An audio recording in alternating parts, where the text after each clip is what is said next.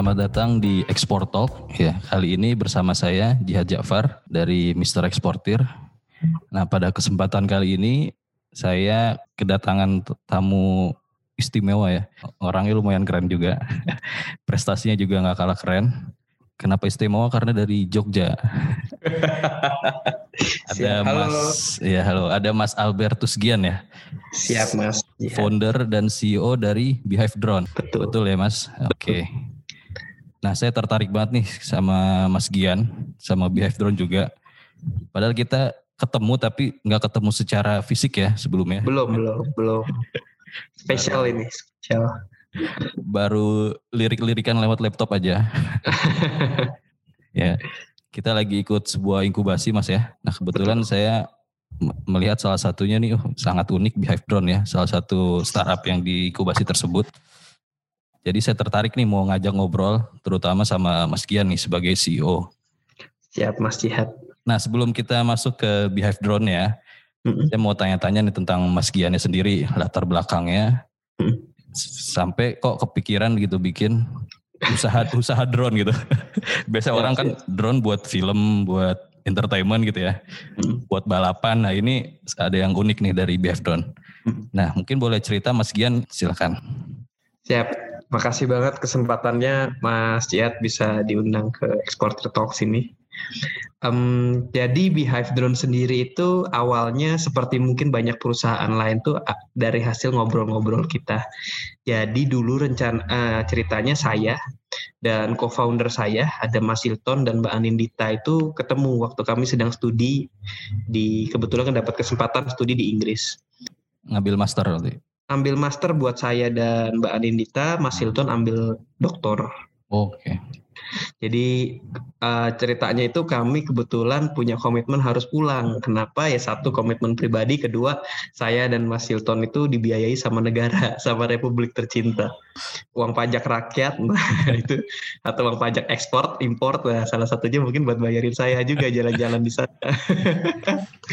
Jadi terus tapi balik lagi kita setelah selesai studi itu merasa memang harus pulang. Karena saya dari segi apa pun Indonesia itu mungkin kita sebutnya sekarang land of opportunity ya Asia secara garis besar itu banyak hal yang masih bisa kita kerjakan. Kalau di Indonesia apalagi dengan penduduk yang luar biasa dan masalah yang saya rasa banyak kesempatan untuk memperbaiki itu kami pun dari segi keilmuan merasa wah sepertinya kita harus balik tapi masalahnya itu kita balik mau ngapain gitu kan. Misalnya kayak saya background itu adalah teknik material.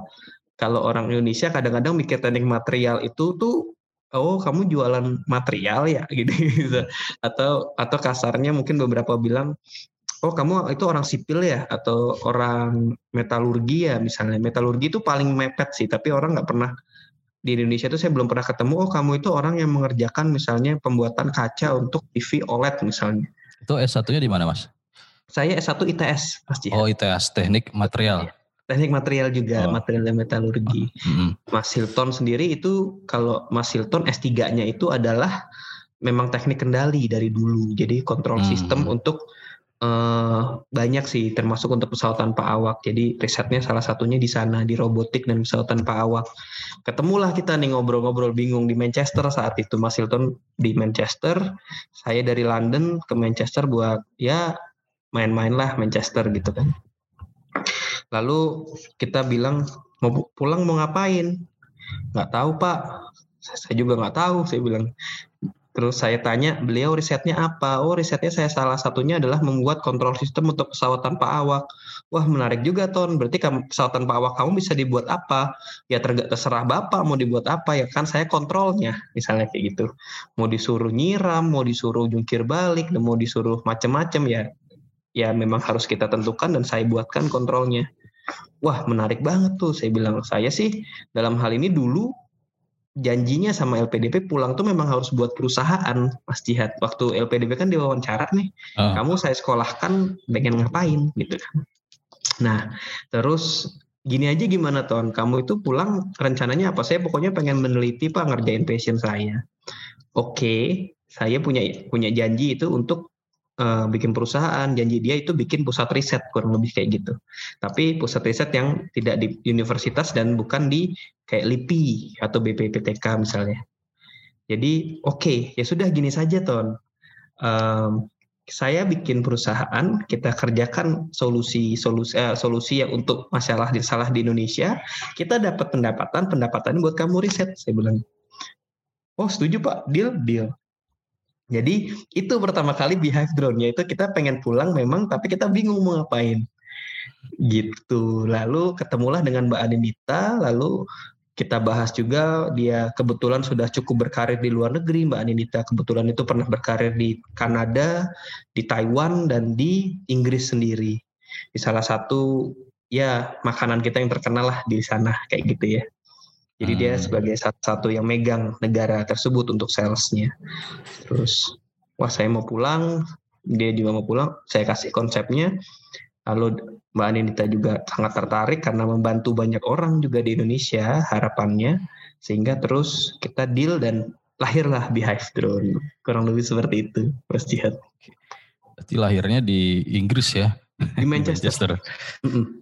Nah, Kalau nggak salah, uh, ini 13 Oktober du, uh, 2017 kalau saya nggak salah dulu 16 atau 17 ya. Eh itu 17, 13 Oktober 2017. Baru ulang tahun ya.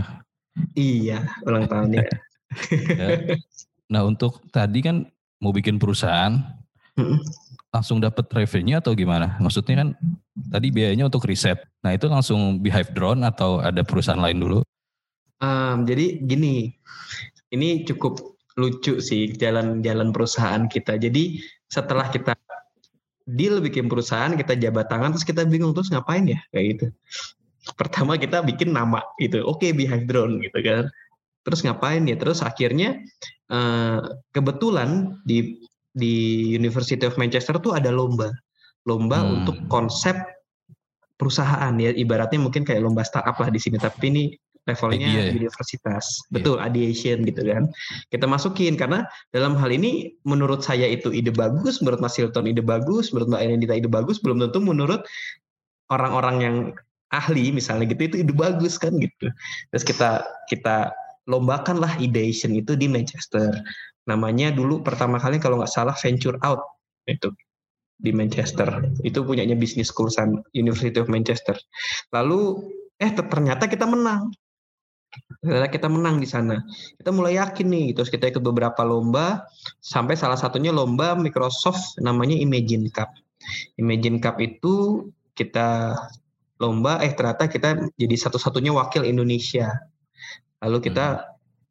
lomba ke Malaysia, ternyata mewakili Asia Pasifik sebagai world finalist di sana. Kita nggak jadi kita nggak menang di level dunia, cuman masukan dari para juri itu pasukan dari para expert yang kemudian menilai konsep kami itu cukup sudah cukup kemudian membuat kita kayaknya kita harus nih bisa bikin lah ya lihat aja lah coba kita bikin lalu baru kita bikin sebuah PT saat itu itu 2018 akhir. Nah konsep kami dulu itu adalah membuat sebuah solusi. Jadi kita bikin minta proyek dalam hal ini kita mengerjakan proyek dari industri-industri konvensional yang ada di Indonesia. Karena ini proyek pasti langsung ada revenue-nya. Hmm. Kayak gitu. Jadi revenue itulah kemudian kita langsung sebagian besar porsinya itu langsung masuk R&D lagi. Karena memang satu itu deal-dealan kami di awal dan yang kedua itu adalah sebuah tahap natural untuk perusahaan teknologi kayak kami. Kayak gitu. Jadi itulah yang terjadi sehingga dari awal kita memang sudah langsung PT sendiri. Kita nggak ngikut perusahaannya. Kalau boleh tahu klien pertamanya siapa mas? Klien pertama, oke. Okay. Kalau klien pertama yang uh, membayar jasa kami, maksudnya beberapa klien itu ada yang visibility study dan lain-lain. Saya nggak bisa sebutkan karena terakhir hmm. mereka nggak jadi pakai jasa kami kan kayak gitu. Tapi untuk pertama kali itu kita justru di hire oleh Philip Morris internasional hmm. dan itu lucunya nggak di Indonesia itu di Filipina. Oh gitu. Iya. Berarti jadi harus ke sana gitu ya. betul. Jadi pertama kali jadi dan di Jogja ini sendiri kan ini cukup daerahnya itu cukup ya orang mau keluar negeri itu tuh paling di sini rata-rata TKI misalnya gitu kan atau liburan misalnya. Lalu saya datang ke kantor pajak saat itu saya bilang saya mau ada jual jasa di Filipina. Orang kantor pajak Indonesia pun pada saat eh, di kantor pajak Jogja pun pada saat itu tuh bingung. Oke, pajaknya apa saja ya kan kayak gitu karena kan saya nggak mau karena saya dulu dibayarin pajak jadi satu hal yang BH belum selalu pastikan adalah kita taat pajak kan gitu sama-sama bingung saat itu karena kita nggak nggak nggak jadi TKI nggak jadi apa. Kita benar-benar jadi tenaga ahli yang di hire oleh perusahaan Philip Morris Filipin. Filipina. Hmm. saat itu. Lucu itu. Tapi kita ke sana. Nah kan di websitenya sendiri mas uh, Behave Drone fokusnya itu pertanian ya. Jadi memang dari awal itu uh, untuk di bidang pertanian atau bagaimana tuh mas Ya, jadi memang mungkin nanti saya bisa jelaskan lebih lanjut. Beehive drone itu ada di sini karena memang untuk menyelesaikan masalah gitu kan di Indonesia. Terus kita melihat Indonesia sendiri ini pada saat itu kita mau nggak mau masih bisa dibilang negara yang masih banyak potensi pertanian nih misalnya kayak kelapa sawit. Kita kelapa sawit terbesar di eksportir kelapa sawit terbesar di dunia misalnya kalau saya tidak salah. Tapi di satu sisi kita juga masih separuh-separuh nih kita mau ngeklaim negara agriculture enggak, mau ngeklaim negara industri kita juga enggak, pariwisata juga enggak. Terus saya lihat satu hal yang harus saya bantu dari awal adalah pertanian, agriculture. Jadi dari awal memang kita langsung sasar agriculture dulu lah yang kita coba solve. Tadi jadi layanannya ada apa aja mas untuk uh, yang sekarang Behave Drone lakukan mm -hmm. gitu? Jadi Behave Drone sendiri layanannya pertama kita itu memang bikin jasa untuk mendesain drone. Jadi desain oh, itu desain sebuah sistem. Jadi pada kalau misalnya Mas Jihad lihat beberapa perusahaan Indonesia itu dia Oke, okay, kamu pengen butuh drone untuk fotografi misalnya, dia akan buatkan drone dengan softwarenya ya yang optimal yang ada di pasaran kayak gitu. Nah, atau mungkin untuk penyiraman, oke okay, dia akan belikan komponen lalu buatlah drone untuk nyiram dari di Beehive Drone kita nggak kayak gitu karena klien kita industri yang nggak bisa selalu setting-setting-setting kayak gitu. Klien kita itu adalah industri yang pengen pokoknya saya sekali pencet ya drone itu ngerjain hal yang sama seperti kemarin kan kayak gitu. Oke. Okay. Yang kedua kita ada service data analysis analisa data kayak gitu-gitu untuk uh, tapi advance jadi kita nge-forecast Mas Jihad punya kelapa sawit 10 hektar Kap, berarti lima tahun dari sekarang saya produksinya berapa ton nih ya itu kita bisa akses uh, melalui drone datanya lalu kita forecastkan kayak gitu ngomong soal drone ya hmm? saya di kampus sempat beberapa kali gunain juga hmm. itu buat mata kuliah GIS Oke, okay, betul. Geospasial gitu ya, pengolahan data geospasial. Nah, tapi itu cuma sekali aja sih ya. Sisanya pakai satelit gitu. Siap, siap. Nah kalau untuk keperluan tersebut hmm. uh, bisa juga dari BF drone-nya imaging okay. processing gitu atau dan lain-lain gitu. Betul. Jadi uh, eh, GIS sendiri itu salah satu layanan di Indonesia yang paling marak digunakan oleh perusahaan-perusahaan drone. Hmm, Mereka oh. rata-rata menawarkan jasa tersebut di Beehive. Kami lebih melihatnya, oke okay, data itu bisa diambil oleh banyak vendor. Kami bisa juga ngambil sendiri, tapi yang sulit atau mungkin cukup advance dan sedikit orang bisa lakukan adalah mengolah data tadi. Makanya tadi saya bilang dari data, GIS, misalnya dari drone atau mungkin dari satelit, gimana caranya kita terus bisa memforecast atau kita bisa menghitung Mas Jihad punya hutan satu gunung misalnya, volumenya berapa kubik sih? Misalnya dari selain harus di satu-satu diukur, diukur pakai meteran kayak gitu ya per pohon itu bisa juga menggunakan data-data dari drone. Nah kita lebih fokus ke analisa data tersebut di sana okay.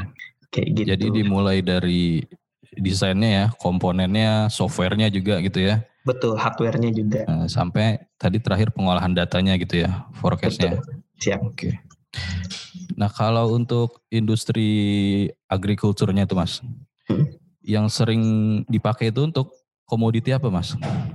Kalau agriculture sendiri yang pasti komoditinya itu kita sudah komoditas-komoditas yang high added value ya kayak uh, high value sorry seperti sawit, hmm. lalu termasuk juga masuk ke bisnis perhutanan kayak gitu. Jadi memang tanaman-tanaman yang memerlukan efisiensi dan mereka itu produksinya sangat ketat di masalah timeline kayak gitu. Jadi memang yang kita tawarkan secara servis seperti itu.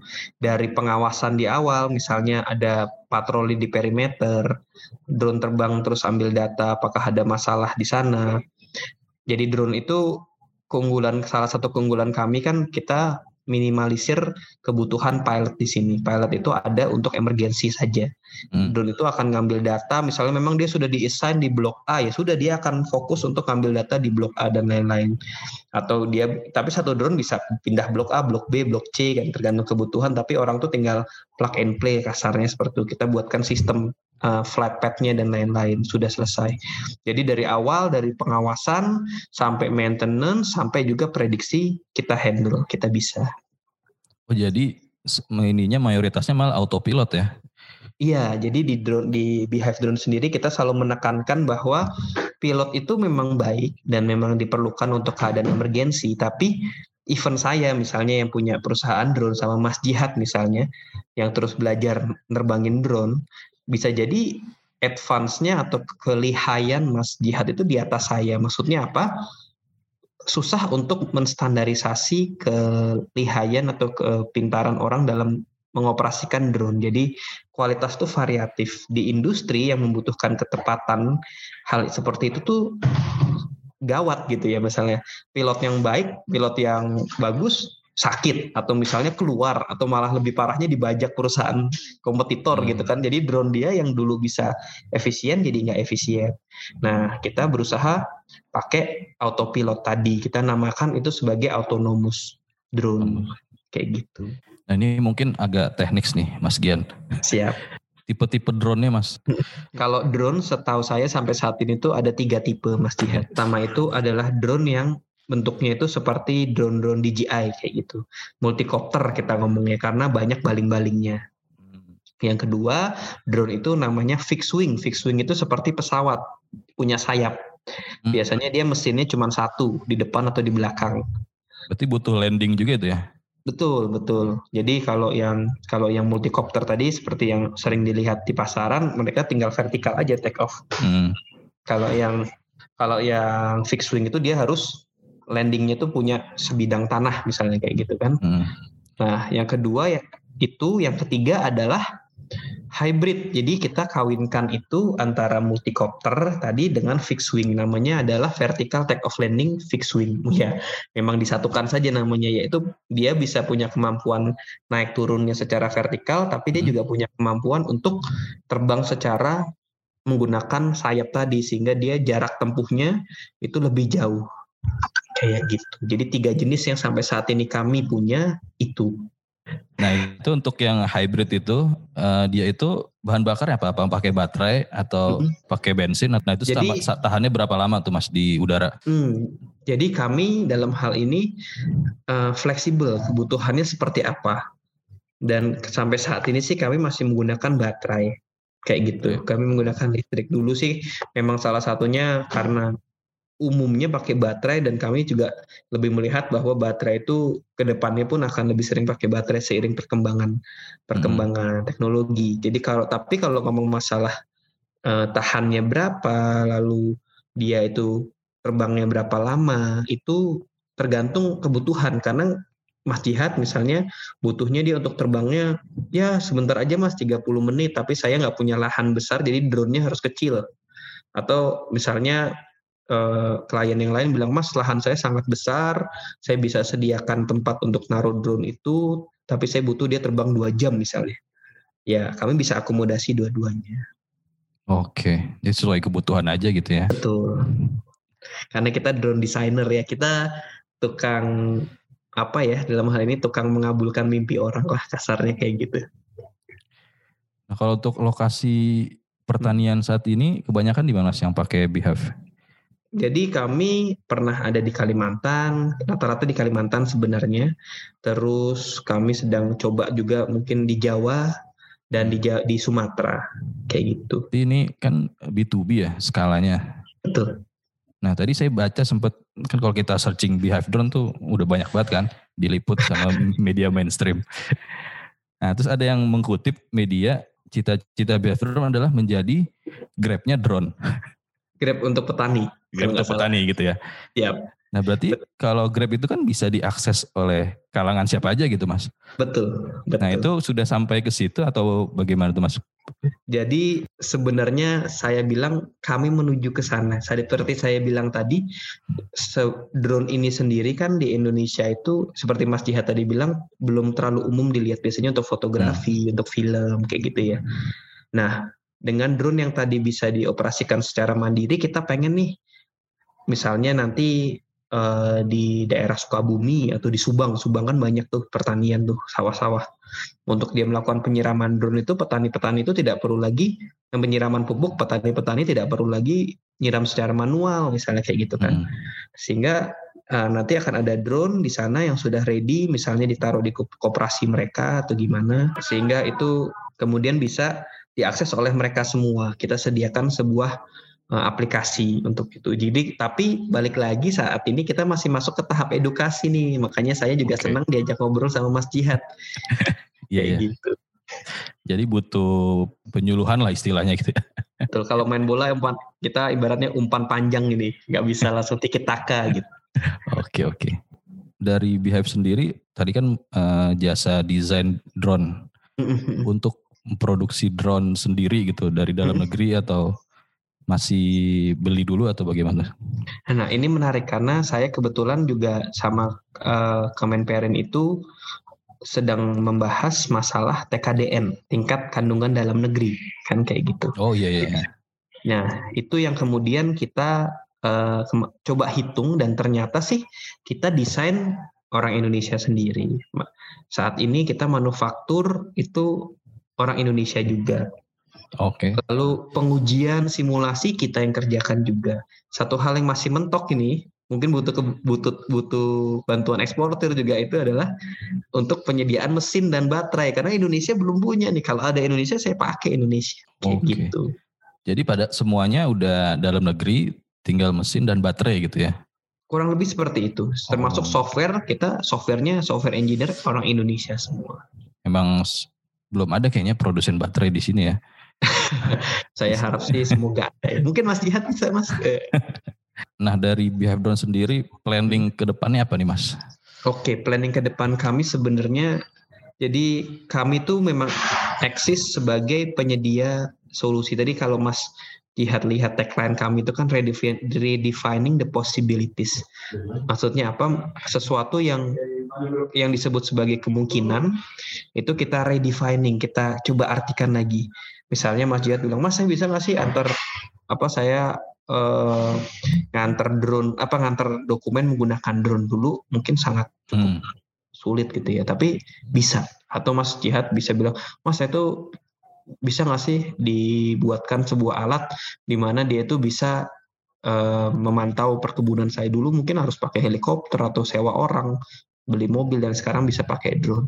Ke depannya kita fokus untuk termasuk menyelesaikan masalah-masalah di Indonesia, misalnya masalah infrastruktur, masalah kesehatan, masalah quality of life lah di Indonesia. Orang-orang Indonesia itu kan kalau di bahasa Jawanya itu nerimo ya. Nerimo dalam hari itu ya sudahlah ini yang ada sekarang disyukuri. Tapi kita kebetulan melihat bahwa selain itu sebenarnya bisa lebih baik ya orang luar dunia itu tuh sudah di depan gitu loh. Jangan sampai nanti pada saat orang de, uh, orang Indonesia keluar dia merasa dunia luar tuh jauh lebih bagus dari negara kita. Itu gawat. Akhirnya mereka nggak cinta Indonesia lagi. Sehingga kita selesaikan masalah-masalah yang sekiranya Indonesia pasti sedang pasti masih miliki sampai saat ini. Oke jadi visinya itu tadi menyelesaikan masalah atau memberikan solusi di berbagai bidang tadi bahkan kesehatan gitu ya. Bisa di selesaikan dengan drone gitu ya. Betul, yang pasti drone itu hmm. bukan bisa segalanya ya, tapi kita berusaha menjawab permasalahan uh, jarak, permasalahan kesulitan infrastruktur, belum ada jalan misalnya, itu dengan uh, mengutilisasi teknologi pesawat tanpa awak. Jadi uh, kami sangat fokus untuk masalah quality of life orang, terutama di daerah-daerah pedalaman, karena kami juga keluar masuk hutan kan gitu kasarnya mas.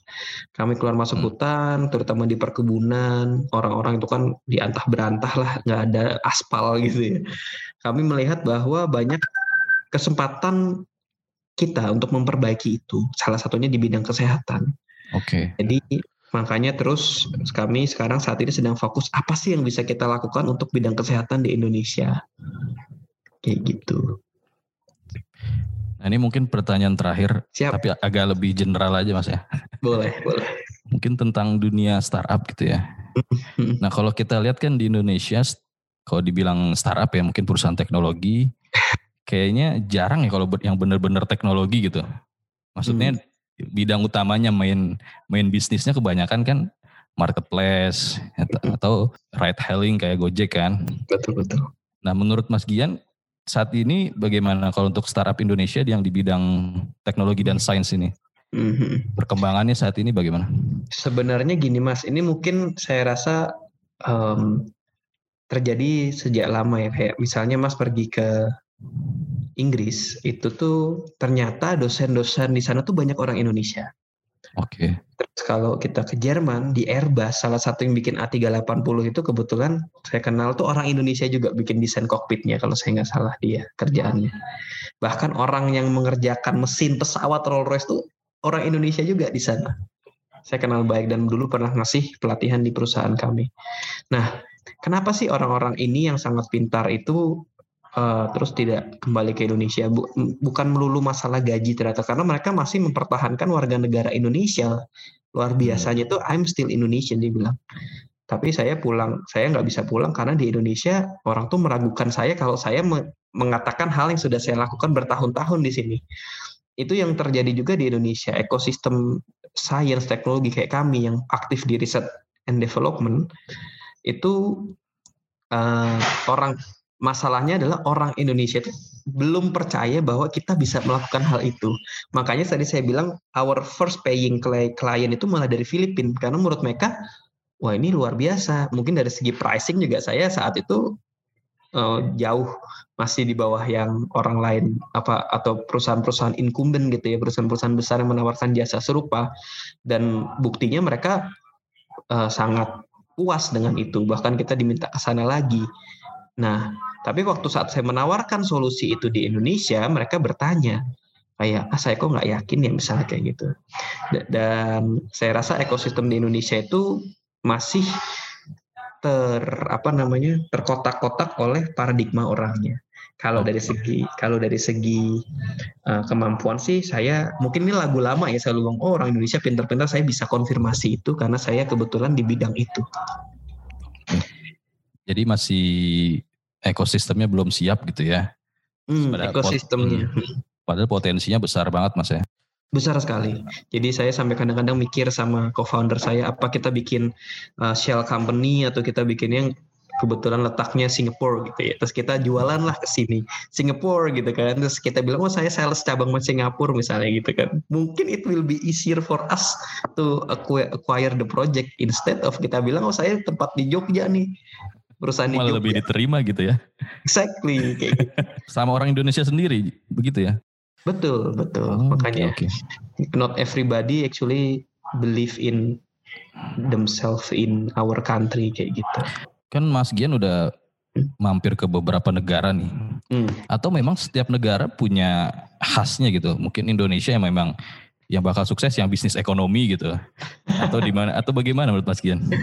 Saya rasa uh, ciri khas itu selalu ada ya Mas. Hmm. Indonesia itu saya rasa ciri khasnya itu adalah seeing is believing dia harus lihat dulu kayak gitu. Makanya di Indonesia itu eh, kadang-kadang marketing itu harus benar-benar bagus di sini untuk melihat opini publik. Kalau Indonesia kalau udah viral tuh ya kayak gitu, odading mang oleng lah misalnya gitu kan. Itu udah viral ya orang ke sana gitu. Kalau nggak viral ya dari zaman dulu sampai sekarang mungkin dia omsetnya nggak naik banyak misalnya gitu kan. So I think that's Indonesian karakteristik bahwa mereka butuh bukti di depan. Mereka tuh butuh uh, keviralan itu. Kalau di luar negeri saya rasa um, even saya nggak bisa bilang orang Inggris sendiri itu sangat open of for innovation ya, tapi mereka melihat itu lebih dari data. Pada saat kita kasih data, kita kasih hitungan, mereka mau untuk melihat itu. Kita, Mas, atau saya saya ngomong sama orang Inggris itu kan, Mas, saya punya data ini nih, saya kemarin uji coba di sini, uh, saya rasa di tempat kamu bisa, oh saya baca, saya baca itu nggak lip service, mereka memang baca di sana gitu kan. Terus waktu dia bilang, oke, okay, how much for your service? misalnya kasarnya gitu di segini, oke, okay, deal, deal. Di Indonesia itu mungkin saya kasih uh, data sheet buat mereka. Mungkin nggak dibaca tapi kalau saya terus ngobrol sama atasan mereka terus atasan mereka percaya mungkin bawahannya akan ikut gitu ya so, apalagi kalau kita sudah oh saya ada YouTube-nya nih oh saya di endorse misalnya sama influencer A gitu kan atau influencer B saya rasa it, Indonesia bakal cara bisnis semacam itu you know somebody or you make people know about you from somebody kan oke okay. Nah, ini pertanyaan wajib nih terakhir. ya harapan Mas Gian sendiri ataupun dengan Behave Drone gitu ya, dengan ekosistem di Indonesia mungkin dari segi pertanian, kesehatan ataupun dari segi startupnya sendiri, nah, bagaimana Mas? So buat saya yang pasti uh, saya nggak there is no turning back buat saya. So uh, harapannya adalah kita bisa saya juga secara secara perusahaan bisa pelan-pelan menunjukkan kualitas kerja kami dan rakyat Indonesia juga secara pelan-pelan lebih percaya sama produknya Indonesia. Harapannya seperti itu, Mas. Dan saya rasa zamannya sekarang udah nggak zaman lah kita uh, dengan kompetitor itu bunuh-bunuhan atau gimana ya. Kita zamannya adalah kolaborasi. Dan saat ini karena kita sekarang banyak opportunity yang bisa kita kerjakan, jangan sampai itu loss ke orang-orang yang dianggap lebih mampu tanda kutip yang itu berasal buka, banyak kan bukan dari Indonesia. Kayak gitu. Harapan saya sih seperti itu. Jadi saya menunggu nih kolaborasi dengan eksportir.